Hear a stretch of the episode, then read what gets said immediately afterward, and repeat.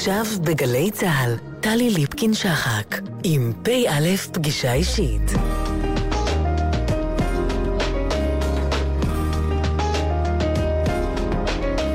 הבית של החיילים, גלי צה"ל.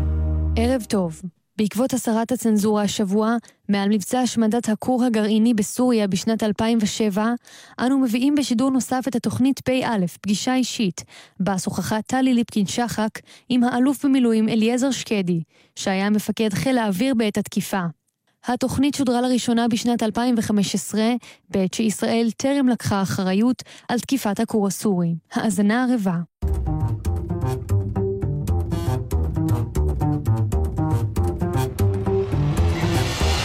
כמה דברים שאתם צריכים לדעת על האלוף במילואים אליעזר שקדי. הוא נולד בשנת 1957 ברמתיים, וגדל במוסד לילדים ממשפחות מצוקה, אותו ניהלו הוריו. בנועריו הוא שיחק בקבוצת הכדורגל הפועל כפר סבא, אצל המאמן יצחק שום, אבל קריירת הכדורגל נגדעה כשהלך לבית הספר למחוננים של אוניברסיטת תל אביב. אל קורס הטיס הגיע שקדי במקרה, לאחר שסירב להצעת מפקד סיירת מטכ"ל לשרת ביחידה, בטיסת הסולו הראשונה שלו הוא עשה תרגילים אווירודינמיים כמעט והתרסק, אך לא איבד עשתונות ונחת בשלום. בעקבות התעלול הזה הוא רותק למספר שבועות, אך סיים את הקורס כמצטיין מגמת קרב. במהלך שירותו בחיל האוויר היה שקדי חבר בצוותי ההקמה של טייסות מטוסי F-15 דו-מושביים, בתחילה כסגן מפקד הטייסת, ולאחר מספר שנים כמפקד הטייסת החדשה. לאחר שנתיים וחצי בראש הטייסת, עבר למחלקת המבצעים בחיל, ובהמשך עמד בראשה.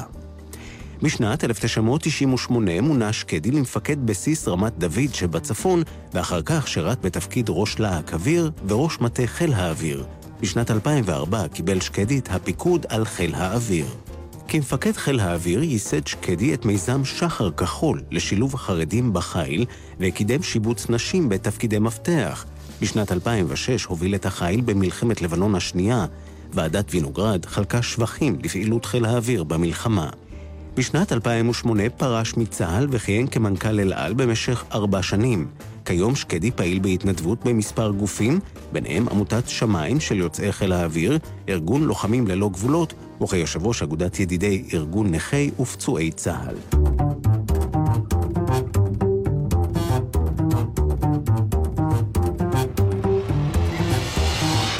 שלום לך, אליעזר שקדי. שלום. מפקד חיל האוויר אליעזר שקדי? מפקד חיל האוויר זה תואר לכל החיים? זו מהות? זו זכות גדולה שהייתה לי. ובמובנים רבים זה מלווה אותך לאורך uh, כל הדרך. זוהי גם שאיפה של מי שנכנס אל המסלול הזה, הוא מבין שזו שגרת חייו, לא uh, אפיזודה?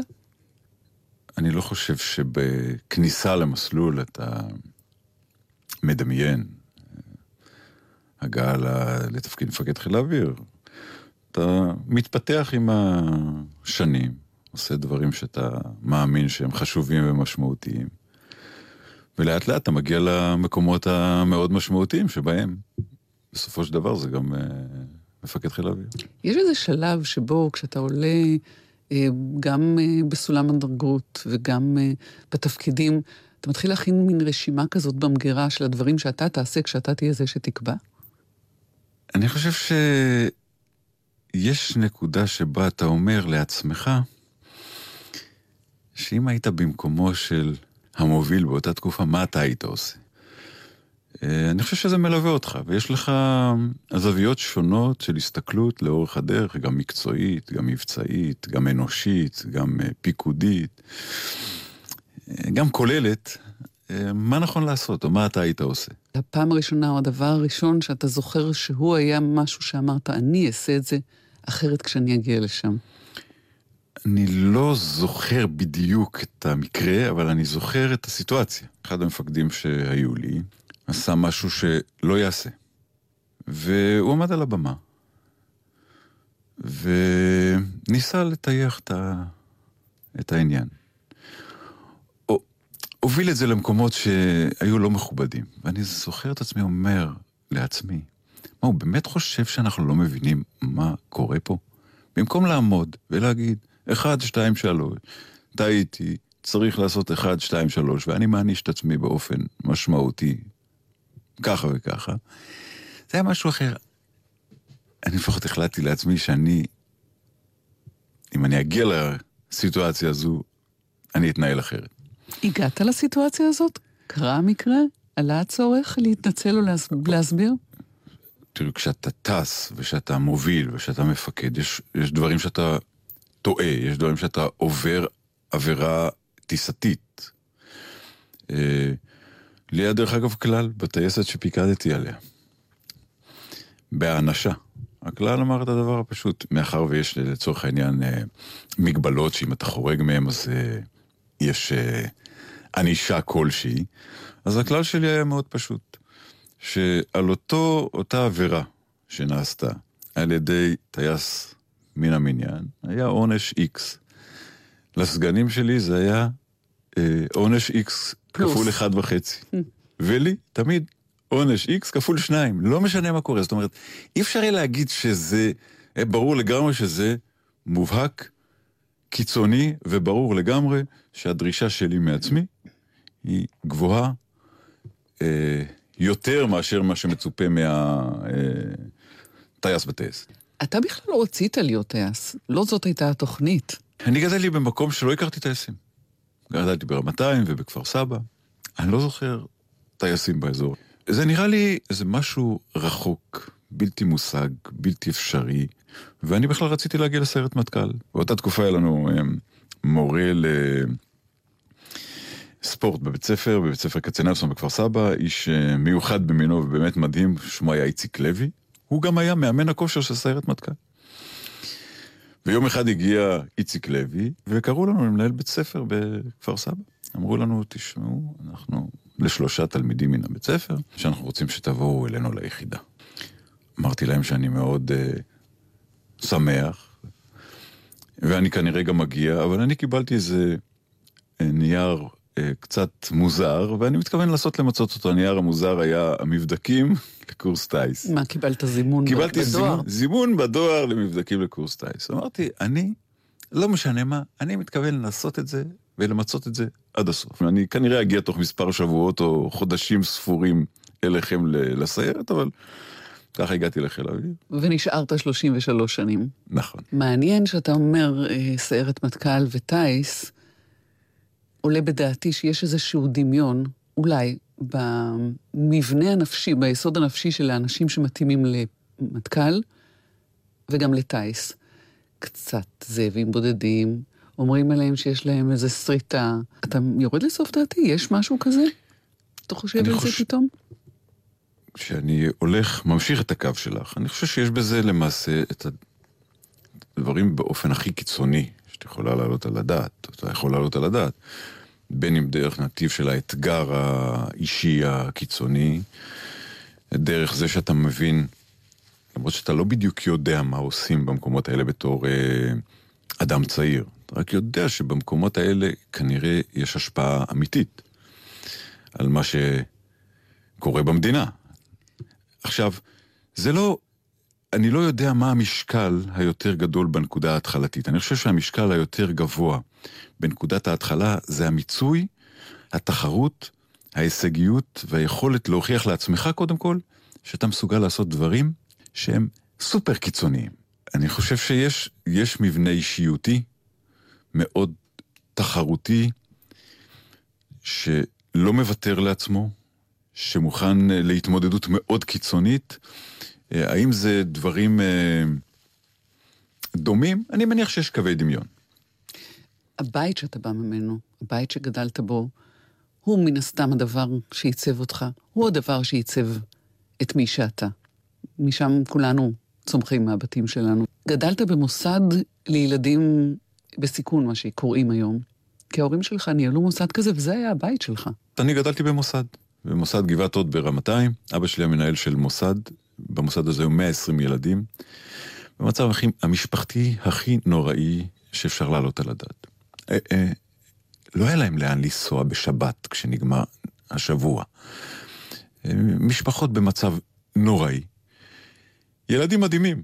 אגב, ההורים שלי היו מאוד חכמים ואמיתיים, אמרו לי, תשמע, הם בדיוק כמוך, תשחק איתם. ואני חייתי למעשה בשני עולמות, חייתי בעולם של המוסד, שבו הייתי משחק כדורגל וגוגואים וג'ולות אחרי הצהריים. קרבות רציניים, זה לא היה צחוק, זה חבר'ה שנלחמו בחיים שלהם, אה, דווקא לאור המצב המשפחתי שלהם. ובעולם החיצוני זה באזור רמתיים, מדר ורמות השבים אה, ורמתיים, אזור עמיד. אה, כאילו שני עולמות שונים לגמרי. בבוקר הייתי בבית ספר ברמתיים, ואחרי הצהריים הייתי בא ומשחק במוסד. וזה היה מרתק לראות, כי אתה די מהר, היום אני יודע גם להסתכל על זה בפרספקטיבה. אני חושב שזה היה אחד הדברים שמאוד השפיעו על החיים שלי במובן הבא. אחד, אני ידעתי להגיד שממש לא משנה מאיזה מקום אתה הגעת, כמה אמצעים יש לך, מאיזה משפחה הגעת, יש אנשים מוכשרים באופן מדהים במקום הנוראי ההוא, ויש אנשים מוכשרים במקום שיש בו אמצעים וכולי. זה... זאת אומרת, הדיון הוא הבן אדם עצמו, ולא מה ועם איזה אמצעים הוא הגיע מהבית. הדבר השני, אני הרגשתי לאורך כל הדרך, ולאורך כל חיי, אגב, בכל מקום שבו הייתי, בצבא, בחיל אוויר, באל על, באזרחות, במקומות אה, רבים ונוספים, שיש לי דיבור עם כל אדם. זאת אומרת, באמת. לא מרגיש שיש לי איזושהי בעיה לדבר עם כל אדם, לא משנה מאיפה הוא הגיע, מה הרקע שלו, אה, ואני חושב שזה מאוד קשור לשני עולמות שגדלתי בהם בתור ילד. החלק השני שאני חושב שהשפיע על, ה... על החיים, על הדפוס המש... המשפחתי וה... שהשפיע עליי לאורך זמן, זה המקום שממנו אבא שלי הגיע. זה באמת סיפור בלתי נתפס, כי הוא קפץ מרכבת והוא נשאר לבד בעולם. הוא היה מהונגריה, כל משפחתו הושמדה בהונגריה, ולקח לו זמן להבין שהוא נשאר לבד בעולם. קשה לנו בכלל לדמיין סיטואציה כזו. בן כמה הוא היה? היה אז בן 18-19. אה, אבל הוא חזר לכפר שממנו הוא יצא, ובו הוא גדל, ולקח לו זמן להבין שאף אחד לא יחזור. זאת אומרת, זה, זה פרק זמן של שנה וחצי, שנתיים, הוא חיכה שם. הוא חיכה שיחזרו. עכשיו, זה איזה משהו שמלווה אותך כל החיים. לא תמיד אתה מבין את זה. בתור ילד אתה לא בדיוק מבין מה קורה, מה, מה משפיע עליך. הוא לא דיבר על זה. זאת אומרת, אחד הדברים המרתקים שהיו אצלנו בבית, אני חושב שההכוונה שנעשתה, מה חשוב יותר, מה פחות חשוב, מה הפרופורציות בחיים, נבעו מהמקום שהוא הגיע. מתי למדת את הסיפור שלו? מתי הוא בכל זאת דיבר? הרבה שנים אחרי. למרות שהוא מעולם לא אמר את זה, הוא לא דיבר אף פעם על משמעות של השכלה ושל לימודים ושל להיות בן אדם. ואני ידעתי לאורך כל הדרך שהדבר הזה הוא בעל משמעות אה, עליונה מהזווית ראייה שלו. אפילו, לא, את יודעת, אני אפילו לא יודע להג... לקח לי זמן להבין, כי הוא מעולם לא אמר לי שהוא רוצה שאני אשאר בצבא. הוא לא אמר לי. אני הבנתי את זה ב-back of my mind, שזה מה שהוא רוצה שיהיה. עכשיו, כשאנחנו מסתכלים על ההיסטוריה שלנו, ברור לגמרי למה הוא רצה שזה יהיה. היה לזה משמעות שהיא הייתה הרבה יותר עמוקה מאשר לשרת בצבא במובן הפשוט שלו. הוא, זה היסטוריה שלמה, זאת אומרת, זה, זה מין נס בלתי נתפס. אני אפילו מסתכל על איך, איך הוא קרא לתואר של מפקד חיל האוויר. הוא לא קרא לזה מפקד חיל האוויר. מה הוא אמר? הוא אמר, אתה מפקד של חיל האוויר הישראלי ושל העם היהודי. הוא התייחס לזה במשהו, כמשהו הרבה יותר רחב, הרבה יותר עמוק. ובאמת, אני חושב שהיכולת שלו לראות דברים בפרופורציות, והיכולת שלו להיות אופטימי למרות כל מה שהיה, אני חושב שהשפיע עליי באופן דרמטי בחיים. אנחנו לא נסיים את הפרק הזה בלי שנזכיר שבכלל יכולת לפתח קריירה של שחקן כדורגל. היינו מוצאים אותך עכשיו מפרשן על הקווים. אני... אני שיחקתי כדורגל בפועל כפר סבא, היו לי מאמנים, המאמן הראשי היה שרף, ועוזר המאמן, אם אני זוכר, היה אה, שום. והמשחק שלי בהפועל כפר סבא אה, הסתיים בצורה קצת אה, מוזרה. באותה תקופה אריקה לנדאו הקימה את בית ספר למחוננים, והוזמנתי להשתתף שם. וזה יצא על האימונים של הפועל כפר סבא. אני הרגשתי צער עמוק, אני חושב שאבא שלי הרגיש שמחה גדולה. עולם הכדורגל הפסיד, ואנחנו הרווחנו. אתנחתא, נעשה אתנחתא אליעזר שקדי, Memory של ברברה סטרייסנד. נשמע ונחזור.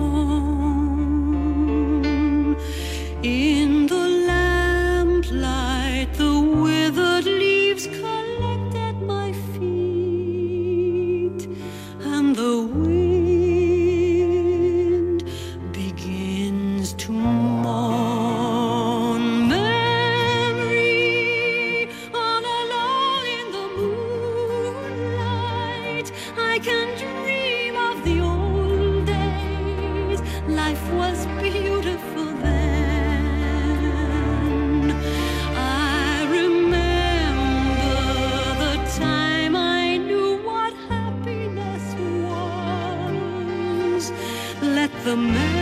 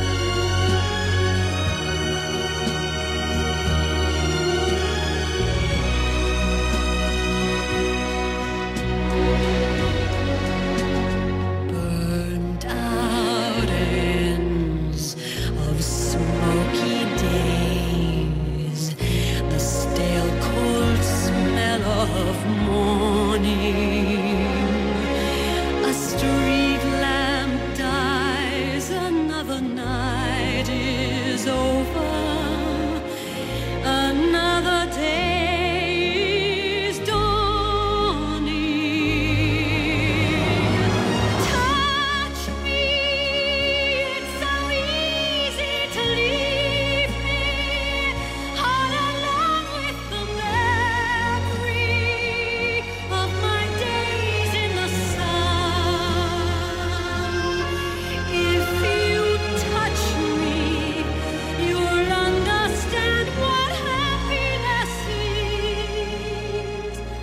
אישית, אליעזר שקדי, אלוף במילואים אליעזר שקדי, מפקד חיל האוויר לשעבר, גם מנכ"ל אל על.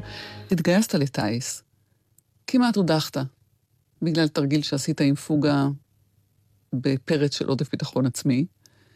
גמרת את הקורס מצטיין בגמת קרב, התחלת את הדרך שלך בחיל האוויר, וב-1980 השתתפת בקורס ההסבה הראשון למטוסי ה-F-16 שהגיעו לישראל.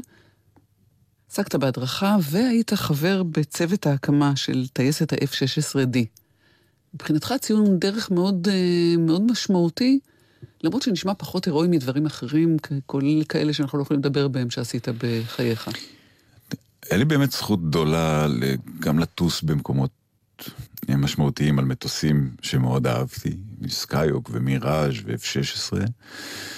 אה, גם לעשות אה, דברים בהיבטים המבצעיים של אה, תקיפות וקרבות אוויר. והזכות הכי גדולה שהייתה לי, אני מרגיש מהזווית שלי כטייס, כמוביל וכמפקד, היה להקים טייסת F-16 דו-מושבית. כמה שנים קודם עשיתי את זה כסגן מפקד טייסת בטייסת בחצור של טייסת F-16 דו-מושבית, ועל מה שאני מדבר זה להקים טייסת F-16 דו-מושבית בבסיס רמת דוד, שזה באמת חוויית חיים. למה? למה דווקא? למה דווקא זה? כי יש בזה שילוב בלתי נתפס של כמה מימדים. המימד הראשון הוא המימד הטכנולוגי של המטוסים הכי מתקדמים שיש, וכלי הנשק הכי מתקדמים שיש, עם משמעות אדירה באמת ל... למה הוא חיל אוויר, למה הוא יודע לעשות, איך הוא יודע לעשות. בהגנה האמיתית, אתה מסתכל על הדברים האלה כבר במקום שאתה נמצא כמפקד טייס, אתה מבין את העוצמה של טייסת מהסוג שאתה מקים. הדבר המהותי, המקביל לו, זה זה שיש לך את הזכות לבחור את האנשים שאתה מאמין שאתה יכול להגיע איתם לשמיים. והייתה לי זכות גדולה, לבחור את האנשים. אני, אישית, התעסקתי בבחירה של האנשים שאני רציתי שיהיו בטייסת. בהיבט המקצועי שלהם, בהיבט המבצעי שלהם, בהיבט האישיותי שלהם, האנושי שלהם, היכולת שלהם לעבוד כאינדיבידואלים, אבל לעבוד כקבוצה, עם יכולת אה, אה, מוטיבציונית אדירה להגיע להישגים גדולים.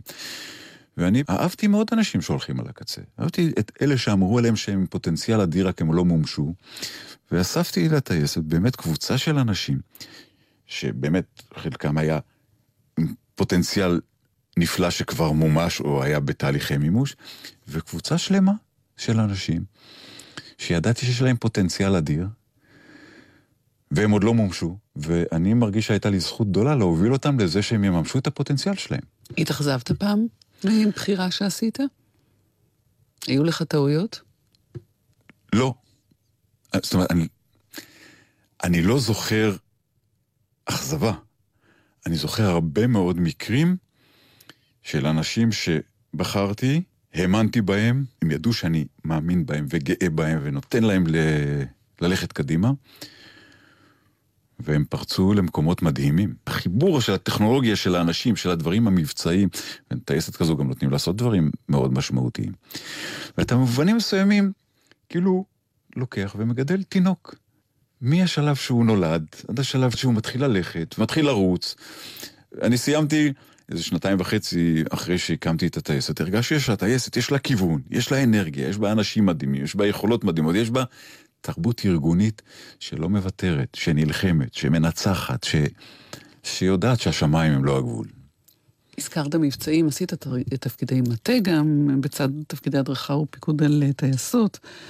אה, בתפקידי מטה, גם אה, כראש ענף מבצעים ואחר כך כראש אה, מחלקת המבצעים בחיל האוויר, הבחירה של האנשים למבצעים והדיוק של הגדרת המשימה, אי פעם התהפכת בלילה, אחרי או תוך כדי, ואמרת, איזה טעות, או איזה סיכון לקחתי, פה לא נכון היה לקחת. באמת הייתה לי זכות להיות ראש מחלקת מבצעים של חיל האוויר, שלמעשה אחראי על כל המבצעים של חיל האוויר, לא רק האוויריים, אלא גם, האוויריים וגם האחרים. הקרקעיים ושל כל מערכת הביטחון למעשה בארץ ובעולם, לחיל האוויר יש נגיעה בו. והחיבור הוא לא בדיוק חיבור מטה, הוא עבודת מטה שבו אתה עושה את התכנון המבצעי, ולמעשה אתה, המחלקה, אתה עומד בראשה, היא אה, מגדירה מה פקודות המשימה ואיך עושים את הדברים ומה נדרש. וגם באינטראקציה מאוד חזקה עם הטייסות ועם השטח. מטבע הדברים, במקומות האלה יש דברים שאתה חושב מחשבות עמוקות, לא רק אם זה מצליח. זאת אומרת, מה הפוטנציאל שדבר כזה גם לא יצליח? מה פוטנציאל ההסתבכות? מה המשמעות של זה לגבי מדינת ישראל? אני יודע להגיד שאני מאוד טוטאלי בעשייה שלי, והייתי מאוד מרוכז שהדברים יצליחו, אבל לאורך כל הדרך תמיד היה לנו את הנתיב של המקרים ותגובות. מה קורה אם משהו משתבש? משהו קורה אם משהו משתבש באופן קיצוני. ואני יודע להגיד שלאורך כל הדרך, גם כרמ"ח מבצעים ואחר כך גם כראש להק אוויר וכמפקד חיל האוויר, אתה יודע שאתה עושה דברים. יש חלק מהמשימות שאתה עושה, שהן גדולות מבן אדם. זאת אומרת, נגזר עליך להיות בתפקיד הזה, או כרמ"ח מבצעים, או כמפקד חיל האוויר, זה גדול ממך. אבל אתה עכשיו במקום הזה, ואתה תעשה את הכל כדי שזה יצליח. להגיד לך אם יש לי אם התהפכתי בלילה לפני, בדרך כלל התהפכתי בלילה לפני. אחרי כבר הייתי שלם, זאת אומרת, התלבטתי, התחבטתי, עשיתי את כל הניתוחים, את כל הדוקטורט שאפשר כדי שזה יצא למקום הנכון, כשיצאתי לדרך הייתי כבר מאוד שלם. ב-2007, כשעל פי מקורות זרים, ישראל השמידה את המתקן אה, בסוריה, המתקן הגרעיני בסוריה, אתה היית מפקד חיל האוויר, אבל על זה אתה כמובן לא תוכל לומר דבר, וכיוון שזה רדיו, אז גם לא רואים את הפרצוף שלך מתקרקם כשאני שואלת אותך על זה. אבל אני אשאל אחרת, ב-2008 אה, סיימת את תפקידך והשתחררת. בשנים שאחר כך דובר בתקיפה באיראן, שמחת שלא אתה זה שצריך לקבל שם את ההחלטות בדיוק באותו אופן שבו אתה כרגע מתאר את התהליך של, של קבלתן? קודם כל, אני מאוד uh, גאה במה שחיל האוויר עשה, ללא קשר למקורות זרים או לא מקורות זרים. משימות מסוג כזה, בלי להיכנס למה נעשה ומה לא נעשה, זה בדיוק מסוג הדברים שהרגע דיברתי, על זה שהן גדולות מבן אדם. זאת אומרת, אתה מבין שיש לך אחריות אדירה שזה יצליח, כי זה משמעותי לקיום של מדינה ושל עם. אה, מצד שני, זאת אומרת, ברור לגמרי שכל מה שאתה צריך לעשות במקום הזה הוא להיות מרוכז באופן קיצוני, להביא את כל היכולות המקצועיות והמבצעיות שלך כדי שהדבר הזה יצליח, ולשמחתי הרבה, הדברים הצליחו. אה, ואחר כך להסתכל ולהגיד לעצמך ש... אתה גאה שהיה לך את הזכות להיות במקום הזה, ושזה יצליח. עכשיו את שואלת אותי, האם בן אדם אה, רוצה לעשות דברים משמעותיים? לא, אני שואלת אותך אם אתה לא, הייתה, לך תחושה של הקלה שלא אתה צריך לקבל את ההחלטה לגבי תקיפה באיראן. נדייק קצת. החלטה על תקיפה באיראן, בסוריה או במדינה אחרת היא החלטה של ממשלה, לא של אה, צבא, לא ברור. של רמטכ"ל ולא של מפקד חיל האוויר, אחד. אין ספק שלאחריות כזו זה משקל מטורף על הכתפיים. מצד שני, זה כל מה שעשית כל החיים כדי שתהיה במקום הזה, אם צריך אותך, ותעשה את זה הכי טוב, לטובת כל... אה, לטובת הדבר שהוא גדול מאיתנו, מכולנו ביחד. בשאלה שקודם הזכרת, בדילמה בין אה, מקרים ותגובות, אה, מחירים ו- וסיכונים, ותגובות או השלכות לפעולה. אתה היית מצביע בעד או נגד תקיפה באיראן? מטבע הדברים, אני לא אכנס לזה. התייעצו איתך? כן. טוב. עוד דבר אחד לפני שנמשיך, והוא כן קשור, ראית את יצחק רבין בשתי אה, אה, זוויות ראייה שלך כמפקד טייסת ואחר כך כרמ"ח מבצעים, על אירוע דומה. הפרש של שנה וחצי. בתקופה שהייתי מפקד טייסת F-16 ברמת דוד, באותה תקופה שהיו אירועים בלבנון, היה תקיפה, התגובה הקיצונית הייתה תקיפה, תקיפה במקום אה, על גבול סוריה-לבנון, באזור מוגן בטילים, זה נקרא אה, אמת.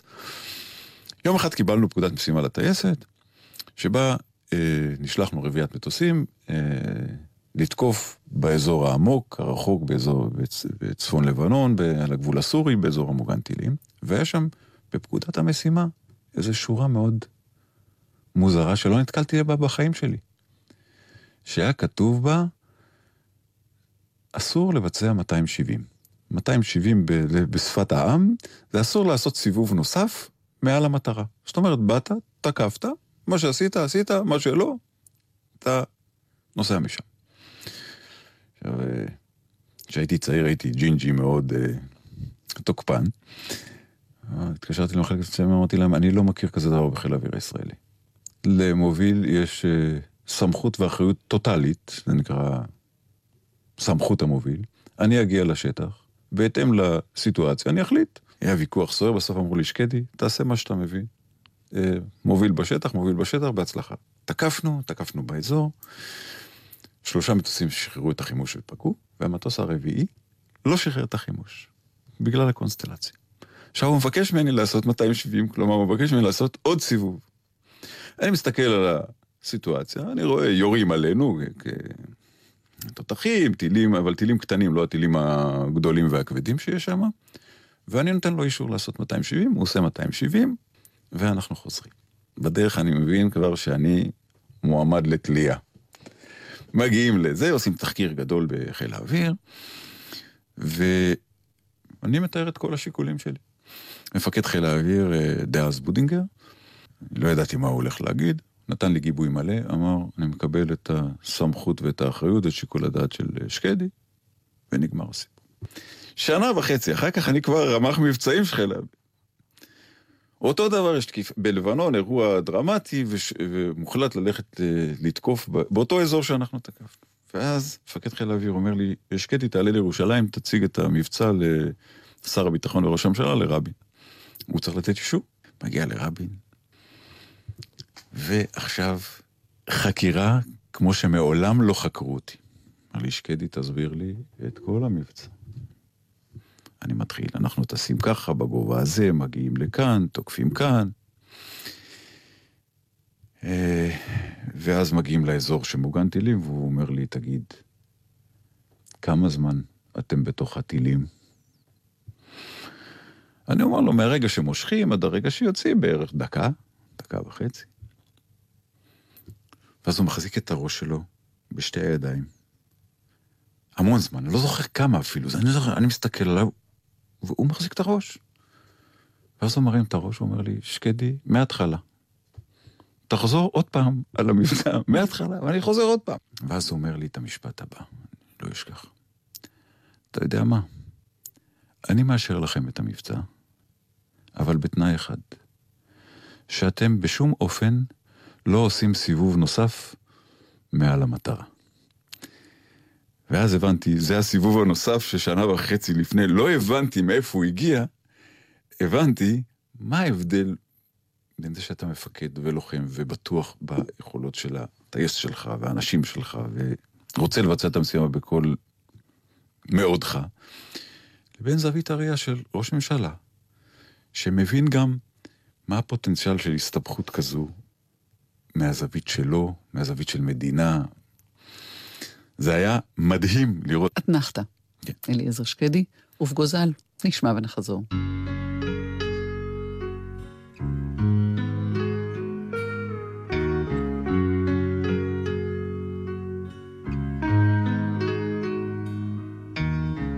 הגוזלים שלי עזבו את הקן, פרסו כנפיים ועפו.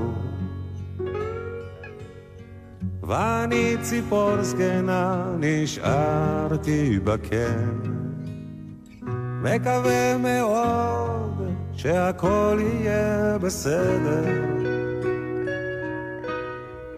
תמיד ידעתי שיבוא היום שבו צריך להיפרד. עכשיו זה ככה בא לי פתאום. אז מה הפלא שאני קצת דואג? גוף גוזל, חתוך את השמיים, טוס לאן שבא לך, רק אל תשכח בשמיים, גור לך.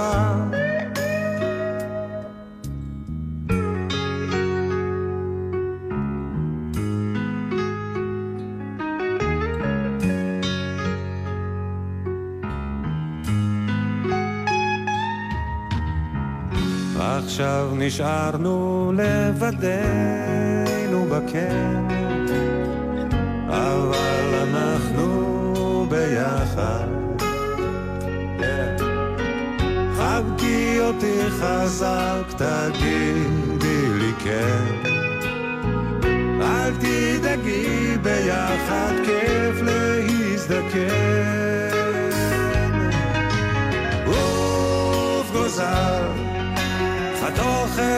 השמיים, טוס לאן שבא לך. רק אל תשכח יש נשר בשמיים, גור לך. אני יודע שככה זה בטבע, וגם אני עזבתי, כן. שר, כשבא הרגע, אז מה...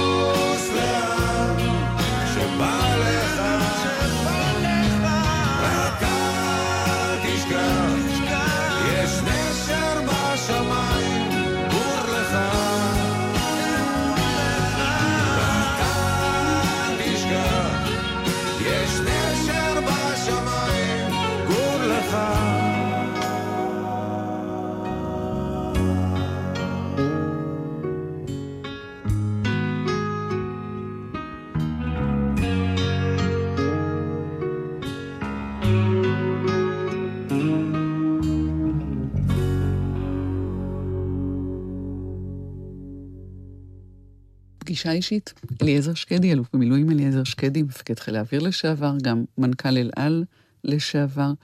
שקדי, מפקד חיל האוויר מ-2004, ויש כל כך הרבה מה לדבר על ארבעה שנים שלך כמחה, נתמקד בכמה עניינים. ואולי, אתה יודע מה, אני שואל אותך, מה הדבר, הדבר שהותרת בו את רישומך כמפקד חיל האוויר, לראייתך? אני חושב שהיו מספר נושאים מבצעיים ופעולות מאוד משמעותיות, שמטבע הדברים לא נדבר עליהם כאן. אחד כבר הזכרנו לפני כמה דקות, על פי מקורות זרים.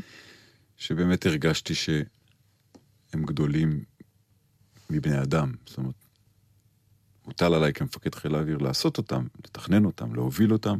אני מאוד גאה בהם ומאוד גאה בחיל האוויר שעשה אותם באופן כל כך מדהים. הדבר השני שהוא, אה, אני חושב, אולי אה, קצת פחות מוכר, אבל אני חושב שהוא, יש לו משמעות מאוד רצינית. בפילוסופיה שלי, ארגון מצוין קשור לשלושה פרקים. אחד למקצוענות, מבצעיות, זה אתה חייב להיות תותח על, זה תנאי הכרחי, אבל לא תנאי מספיק. התנאי השני הוא שאתה מסוגל לקחת את הקבוצות שיש לך, שהן שונות אחד מהשני, שונות וזרות, לאחד אותן, לייצר דינמיקה שהן שותפות אמיתיות והן נלחמות ביחד לאותה מטרה, זה אני קורא לזה הדברים הרכים. אה, והפרק השלישי זה לייצר את הרוח ואת הדינמיקה של השמיים הם לא הגבול, שאתה יכול להגיע לכל מקום, שה, של מצוינות קיצונית. ואני חושב שאת הפרק של קבלת השונה והזר, והיכולת לעשות דברים מהסוג הזה בחיל האוויר, אני חושב שהיה פה דבר בלתי רגיל שלשמחתי הרבה גם ממשיך בחיל האוויר.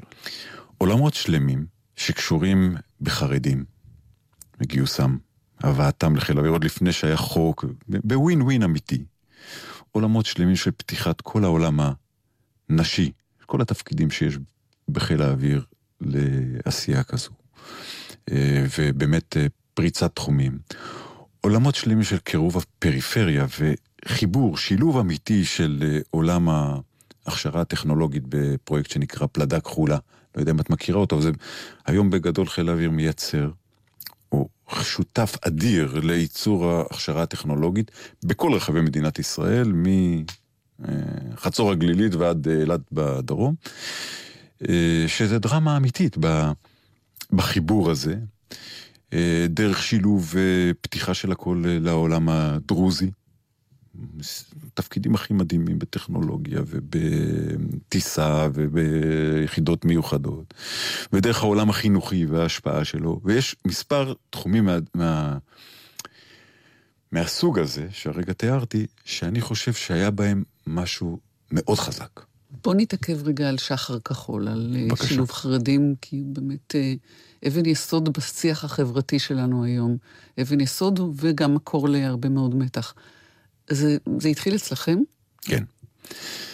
אתה יודע שיש הרבה אבות להצלחה הזאת, ומדובר על נחל חרדי, שזה פרק נפרד, ועל דוגמאות אחרות לשילוב חרדים, גם במודיעין, גם היום בהרבה מאוד uh, תחומים בצבא. הייתם ראשונים? אחת האמירות שאומרים על אה, חרדים, שהם לא רוצים לעבוד ולא רוצים בקיומה של מדינת ישראל. אני לא מכיר בן אדם שלא רוצה לפרנס את האישה והילדים שלו, זה מנוגד לטבע האנושי. בשיחות שיש לי, והיו לי עם חרדים, אחד על אחד, אני יודע להגיד שהם רוצים בקיומה של מדינת ישראל, בדיוק כמוך וכמוני. והדבר האחרון, מי זה חרדי? אני אקרא לזה בצורה ציורית. חרדי זה סבא שלך וסבא שלי. חלק הלך בנתיב החרדי וחלק הלך בנתיב שאנחנו ב... לא חרדים. ואני זוכר שבתקופה שפיקדתי על חיל האוויר, אני קראתי לרבי של חיל האוויר, שמו הרב רייבד. אמרתי לו, הרב רייבד, על מה אתה אחראי? הוא אומר לי, אני אחראי על שבת וכשרות. אמרתי לו, תודה רבה, אתה משוחרר מתפקידך. אומר לי, מה זאת אומרת? אמרתי, זה מדינת ישראל, אנחנו נאכל כשר, ובשבת, מה שצריך לעשות משבת נעשה, ומה שלא, לא, אני אחראי, לא אתה. הוא היה שייג אצלו קטן, אומר, כן, ומה אתה רוצה שאני אעשה? אמרתי, אני רוצה שאתה תהיה אחראי על קירוב לבבות. הוא אומר, מה אתה מתכוון? אמרתי, אני מבקש שתביא חרדים לחיל האוויר. לא על פי חוק, אלא לי. אומר לי, זה מאוד מסובך, לא יודע אם אפשר לעשות, אבל נרתם בכל ליבו. אחרי מספר חודשים הוא מצא קבוצה של אה, סדר גודל של 40-50 אה, חרדים, והחלטנו לשלוח אותם לבית הספר הטכני בחיפה. אני זוכר את עצמי נוסע לשם ביום הראשון לפגוש אותם, הם לבוש אזרחי, עם ה... ואני אומר להם, תקשיבו טוב, אני באתי הנה רק מסיבה אחת, להגיד לכם שאנחנו באמת רוצים אתכם. ואני גם אומר לכם שאם צריך שיהיה מורה ולא מורה, אז יהיה מורה ולא מורה, ואם צריך גלת כושר ולא כושר רגיל, אני לא יודע מה זה, אבל יהיה זה, זה נון אישו. כדאי שאנחנו נדע שאנחנו באותה, באותה סירה. טוב, הם עשו את הקורס, גמרו את הקורס, עשינו להם הכשרה טכנית, ושלחנו לבסיס, לבסיס פלמחים. אחרי מספר אה, חודשים, מתקשרים אליי מפקדים מפלמחים, אה, אומרים לי, המפקד, תשלח לנו רק כאלה. מסורים, רוצים, מוכנים לעשות את הכל. עשינו כמה מחזורים, ואז אני קורא לרב, אני אומר לו, הרב רייבד, עכשיו אני רוצה שתביא בוגרי הרווארד, פרינסטון וייל. הוא אומר לי, מה אתה מתכוון? אמרתי, אני מבקש שתביא את בוגרי הישיבות הכי רציניות שיש בישראל, אני לא יודע אפילו את שמם. חברון, פוניבז', ירושלים, לא, לא יודע את השמות אפילו. הוא אומר לי, זה באמת בלתי אפשרי. אני אומר לו, אפשר, אפשר, לך תביא. במקביל, תוך כדי זה שאני רוצה... אה, אני שומע, היה לנו פגישות באכ"א, לא אגיד שמות כי זה לא מתאים, אבל אנשים מאוד רציניים שם, אחד במיוחד, אמר לי, על גופתי המתה אתם תעשו את זה. אני אוהב כאלה משפטים, אני אומר לו, אתה יכול לשכב, ואנחנו נצא לדרך. אחרי זה, היה צדיק אחד בסדום, קראו לו עמי שפרן, היה ראש אגף תקשוב, אמרתי, עמי, מה אכפת לך? זה רק יכול להיות טוב. לא יצליח, לא יצליח, אנחנו נממן את זה כחיל האוויר. נביא אותם ללמוד את הדברים הכי מתקדמים בתחום המחשבים. הוא אומר, אבל הם לא יודעים אנגלית, לא יודעים חשבון. ואני אומר, תשמע, הם יודעים ללמוד 14 שעות ביממה גמרא, הם ילמדו אנגלית וחשבון. ויצא מזה, יצא מזה הצלחה ענקית. יצא מזה דבר מדהים. ההמשך של העניין הזה הוא בכל זרועות צה"ל. המרתק זה לפגוש אותם. לפגוש, הם באים, במיוחד דרך אגב, ביום הזיכרון בהר הטייסים, באים לפגוש אותי, אני כבר שנים לא בחיל אוויר, לספר לי מה הם עושים. עכשיו הייתי בהחלפת פיקוד בית ספר הטכני בחיפה, פתאום ניגשו אליי קבוצה. אנחנו משחר כחול, את יודעת מה? מקווה שיש לנו מקום בגן עדן. ככל הנראה. עניין אחר שאני רוצה בקצרה להתייחס אליו הוא הסיכולים הממוקדים והמאמץ שאתה עשית להקטין את היקף הבלתי מעורבים שנפגעים בסיכולים הממוקדים האלה. שחיל האוויר אחראי להם. אני חושב שזו שאלה לא קשורה רק לחיל האוויר, קשורה אלינו, לתרבות שלנו כיהודים וכישראלים. אנחנו לא רוצים לפגוע בבלתי מעורבים עקרונית, לא בגלל מישהו אחר, בגללנו. זה מנוגד לתרבות שלנו, מנוגד לכל. לא רוצים לפגוע בנשים, לא רוצים לפגוע בילדים ולא רוצים לפגוע באנשים שלא מעורבים בעניין. על אף שזה המצב, כשאני נכנסתי לתפקידי, ועל אף שעשינו מאמצים מאוד גדולים, היחס היה אחד לאחד, על כל טרוריסט שנפגע. נפגע גם בלתי מעורב אחד. אני החלטתי שאנחנו נעשה כל מה שאפשר לשנות, או לעשות התאמות, גם טכנולוגיות, גם שליטה, גם פיקוד, גם uh, סוגי נשקים, כל מה שאפשר כדי לשנות את, ה, את הדבר הזה. ואני מאוד גאה להגיד שחיל האוויר הגיע לשורה תחתונה בלתי נתפסת. מיחס של 1 ל-1 הגענו ליחס של 24 ל-1, כלומר על כל 24 טרוריסטים נפגע בלתי מעורב אחד, שגם בו אנחנו לא רוצים לפגוע. עכשיו אני חוזר ואומר, זה לא דרך העיניים של הצד השני, דרך העיניים שלנו, לנו חשוב להילחם בצורה הזאת בטרוריסטים. במלחמת לבנון השנייה, כמפקד חיל האוויר, אתם רושמים, רשמת שורה של אה, הישגים מאוד גדולים לחיל, גם כמדומני אה, השופט וינוגרד בוועדה שלא ציין אתכם אה, לשבח. אחד הדברים שיחשב מבצע שלכם הוא המחיקה של הדחיה. אז איך זה מתיישב עם המשפט הקודם שלך? למעשה טיפלנו בשלושה מבצעים גדולים. אחד זה היה השמדת הרקטות לטווח בינוני באופן מרוכז בפתיחת המלחמה, אחר כך רקטות לטווח ארוך באמצע המלחמה, ואחר כך טיפול בכל תשתיות הדריה בלב ביירות. שהם uh, בחרו לשבת במרכז ביירות. עכשיו, אנחנו עשינו תכנונים בלתי נתפסים איך אנחנו פוגעים ומשמידים את ה... או פוגעים בתשתיות של החיזבאללה במרכז הדחיה בלבנון, בלי לפגוע סביבתית. יש אה, תצלומים ויש אה, סרטים שמראים דברים מדהימים של יכולת לפגוע בבניינים רבי קומות שידעת שהם נמצאים שמה, שמה ומתחת לאדמה, בלי ששום דבר מסביב בביירות לא נפגע. עכשיו, אני חושב שזה אחד מהדברים הכי מדהימים שיש בטיפול באזור עירוני באופן מאוד כירורגי. היה לנו מאוד חשוב, אנחנו הקפדה אדירה לא לפגוע בבניינים בביירות שאין שם אנשי חיזבאללה. ולשמחתי הרבה גם הצלחנו. אחרי המלחמה ואחרי המבצעים הנוספים והמרהיבים שהשתיקה והמקורות הזרים יפים להם, ב-2008 אה, פרשת. פרשת שמח. פרשתי שמח, פרשתי גאה, שהייתה לי זכות, ואני באמת מרגיש שהייתה לי זכות גדולה מאוד להוביל את חיל האוויר, איך אבא שלי אומר, של מדינת ישראל ושל העם היהודי, בתקופה מאוד סוערת, מאוד מאתגרת. זה זכות, זה, זה באמת זכות גדולה. זאת אומרת, אני מסתכל על הדברים בפרופורציות, זו זכות מאוד גדולה, ומאחר ואני גם אופטימיסט גדול, אני גם חושב שזה חלק מזה שיש לנו, שנכון, ואני מאמין שאנחנו נמצאים עכשיו באחד הניסים הגדולים ביותר בתולדות העם היהודי לדורותיו, וזה חלק. ניסית לעשות אה, ניסים באל על, אחר כך כמנכ"ל אה, אל על. זאת התמודדות אחרת. בחלקה עם אנשים שהכרת מהטייסות ופגשת את הצד האחר שלהם, ארגון עובדים, על כל המשתמע, על כל המורכבות של זה, גם אה, האכזרית לפעמים. תראה, אני, אני מאוד שמח שהיה לי את האומץ להגיע לאל על, אף שקבוצה מאוד גדולה של אה, אנשים אמרה לי שאני לא אעז להגיע לשם. אני חושב שזה אה, חברה מדהימה, יכולות מדהימות, עם אנשים ברמה מאוד גבוהה. יש בה סוגיות לא פשוטות, גם בסוגיות מאוד טובות וגם בסוגיות מאוד מאוד מורכבות, של היסטוריה ושל uh, דפוסי התנהלות לאורך שנים, אבל החברה עצמה היא חברה מדהימה. אני שמח שהיה לי זכות גדולה גם uh, להרים אותה ממקום מאוד בעייתי ומאוד לא פשוט שהייתה למקום שהוא מעלה אותה על דרך המלך בתהליכי התפתחות. Uh, תראי, בשורה התחתונה, הצלחנו להרוויח בחברת אל על בארבע שנים אחרי שהפסידה סכומי עתק, וכשסיימתי את תפקידי היא זכתה להיות בין 20 חברות תעופה הטובות בעולם, מבין מאות חברות תעופה, ואפילו בישראל היא זכתה בתואר מותג המותגים, שזה אחד משלושת החברות המדהימות בישראל, קוקה קולה, טבע ואל על, ואיך אני אומר, זכות גדולה לקוקה קולה ולטבע לעמוד על יד אל על. אה, יש משהו שאני הרגשתי עשיתי, החלטתי לעצמי כשנכנסתי לתפקיד שאני אעשה את זה פחות או יותר את פרק הזמן שאני הייתי מפקד חיל האוויר. אקח את זה מהמקום שזה נמצא, אעלה את זה למקום שאני מאמין שזה יכול להגיע, וכך סיימתי. הלכת לעשות דברים אה, לטובת הכלל, ולא, לאו דווקא לביתך.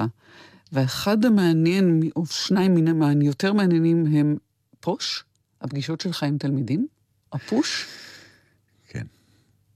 אני, אני החלטתי, לפחות בנקודת הזמן הזו, שאני אעשה משהו עם הלב ועם הנשמה. זאת אומרת, שנוגע ללב ולנשמה.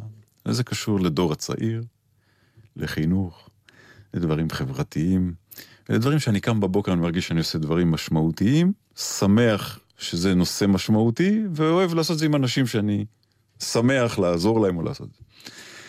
ואני בחרתי לעשות מספר דברים, אחד מהם זה באמת, אה, אני נפגש עם אה, בתי ספר שלמים.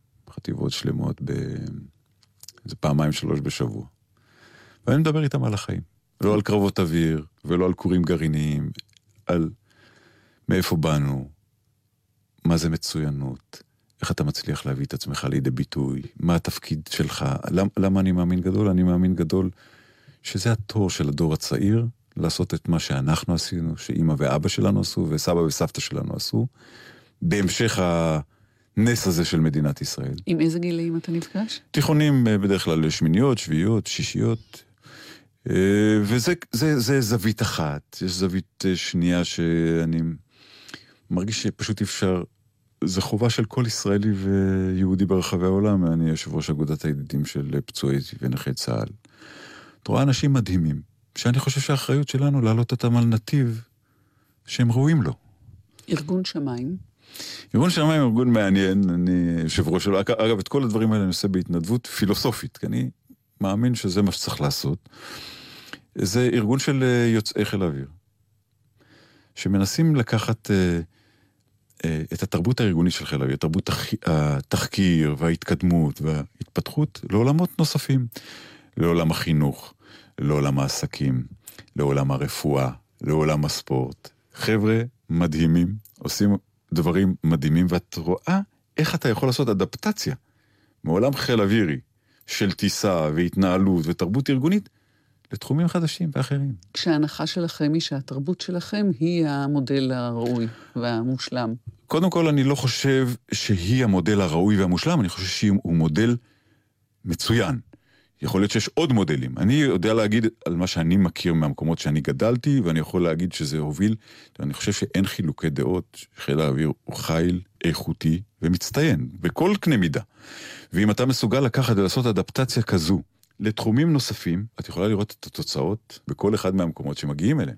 נעצור כאן, אליעזר שקדי. לך עוד יש אה, המון דברים לעשות אחרי ההתנדבויות האלה. מה היעד הבא? האמת שאני עוד לא יודע. דבר אחד אני חושב שאני כן יודע. עד היום בחרתי לעשות כל פעם בתחום אחר. ועכשיו אני מתלבט מה נכון להיות. אני מאוד מתעניין בעולמות החינוכיים, בעולמות ה... של עתידנות, בעולמות שאני חושב שהם קריטיים לקיום שלנו פה. זה קשור לקירוב לבבות במובנים הכי עמוקים. פוליטיקה? אני חושב שהעולם הפוליטי הוא שונה לחלוטין. הוא שונה בתרבות שלו, הוא שונה בהתנהלות שלו. ואני חושב שצריך להסתכל עליו בצניעות רבה ובהבנה עמוקה מה זה העולם הפוליטי. עובדתית אנחנו יכולים לראות שקבוצה של אנשים שחשבה שהצלחה בעולם צבאי או הצלחה בעולם עסקי מובילה אוטומטית להצלחה בעולם פוליטי, אה, לא בדיוק הוכיחו את העניין הזה. אני גם אה, חושב שזה לא בדיוק בוער בעצמותיי, אז אני בוחר את הדברים שאני אוהב ומרגיש שהם מאוד משמעותיים. נעקוב אחריך. תודה רבה לך שדיברת איתנו.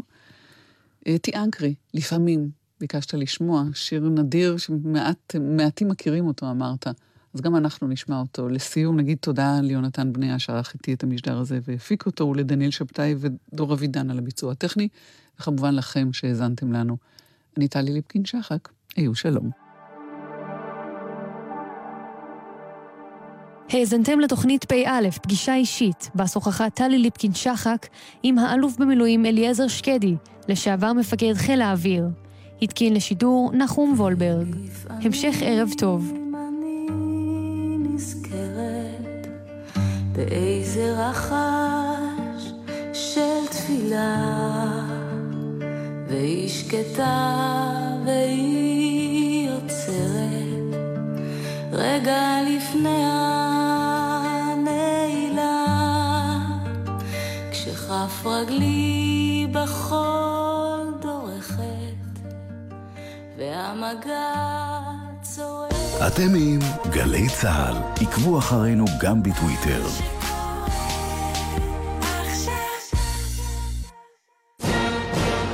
קדימה, צד! מבצע צועדים בנתיבי העצמאות והגבורה יוצא לדרך. צה"ל מצדיע ללוחמי תש"ח ומזמין אתכם, בחול המועד פסח, לצעוד יחד עם לוחמי צה"ל בשבילי המורשת וקרבות תש"ח. להרשמה ולפרטים, היכנסו לאתר צה"ל.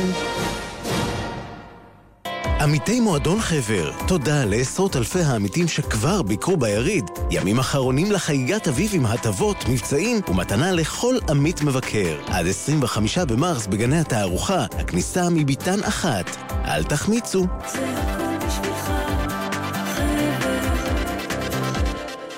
אומרים שלהילחם בתאונות הדרכים זו קריאת ים סוף, ואני אומר, לא, זה לא בשמיים, זה אצלנו בידיים. בכל שנה בחופשת הפסח נהרגים בכבישים 16 אנשים בממוצע. הפסח הזה, בואו נילחם כולנו על החיים, ונפחית יחד את מספר ההרוגים. לא צריך לעשות הרבה.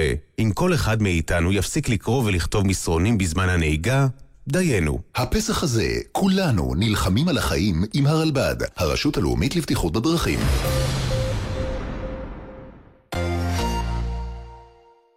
במדינת ישראל יש אלפי משפחות שלא יהיה להם מה לאכול בליל הסדר. ארגון מגן דוד אדום הוא תנועת אורות חסד מיסודו של הרב חנן פורת, זיכרונו לברכה, דואגים להם לארוחת החג.